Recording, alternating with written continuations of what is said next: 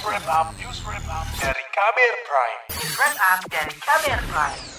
Kementerian Komunikasi dan Informatika mengklaim rancangan Undang-Undang Perlindungan Data Pribadi akan bisa menjamin keamanan data pribadi warga negara. Staf khusus Menkominfo Rosarita Niken Widyastuti mengatakan, regulasi yang saat ini masih dibahas dengan DPR itu mengadopsi aturan berstandar internasional dari berbagai negara. Ini substansinya adalah mengatur semua aktivitas pengelolaan data pribadi sekaligus memberikan batasan melalui hak kewajiban bagi para pihak yang terlibat dalam pengelolaan data pribadi dan RUU juga mengatur mengenai komisi yang mengawasi dan menyelesaikan sengketa data pribadi serta pengenaan sanksi atas pelanggaran data pribadi. Sayangnya, pembahasan RUU Perlindungan Data Pribadi tak kunjung selesai di DPR. Berkali-kali pembahasan antara pemerintah dan DPR menemui jalan buntu, padahal keamanan data pribadi menjadi taruhan. Pakar keamanan siber dari Lembaga Riset Keamanan Siber Sisrek, Pratama Persada menilai kondisi keamanan siber di Indonesia sudah sangat mengkhawatirkan. Hal ini terlihat dengan banyak kasus peretasan di dunia maya, bahkan menyasar instansi negara seperti Polri. Menurut Pratama, ancaman serangan siber sangat membahayakan kepemilikan data pribadi. Korban akan dihadapkan pada ancaman peretasan, penipuan, hingga alih data perbankan. Banyak orang-orang yang otaknya kriminal membuat apa namanya kejahatan-kejahatan yang menyasar ke masyarakat, mulai dari spam, SMS nggak apa namanya nggak jelas, kemudian uh, phishing, ngirim-ngirim link phishing begitu diklik bisa di take over nomor WA-nya, media sosial dan lain-lain gitu.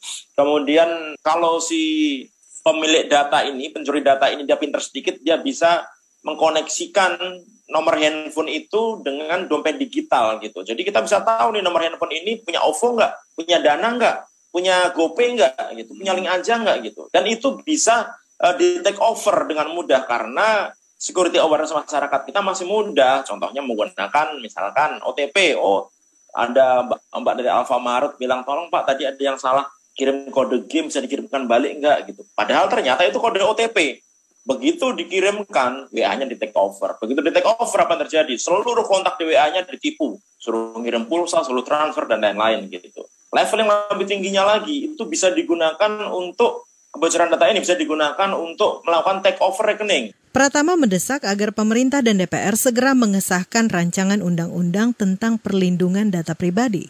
Menurutnya, saat ini kepemilikan data pribadi masih dihadapkan dengan kekosongan hukum sehingga tidak ada sanksi tegas bagi pelaku yang terlibat dalam transaksi kebocoran data.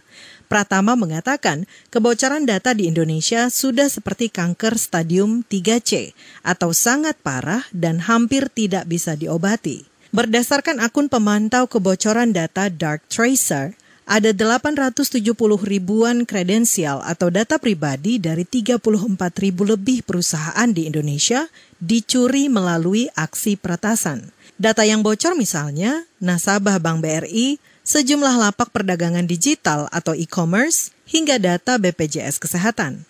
Lembaga Studi dan Advokasi Masyarakat ELSA menyebut sampai saat ini Indonesia masih terus menghadapi persoalan ketidakpastian hukum perlindungan data.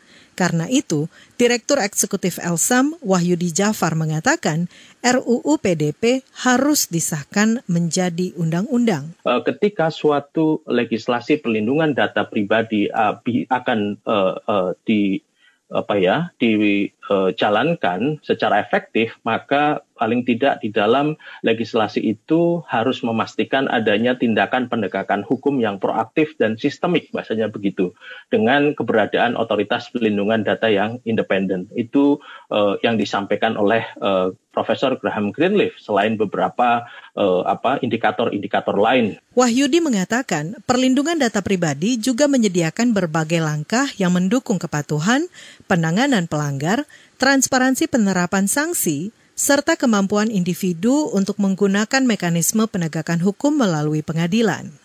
Laporan ini disusun Heru Haitami. Saya Aika Renata. Kamu baru saja mendengarkan news wrap up dari Kabel Prime. Dengarkan terus kabelprime.id, podcast for curious mind.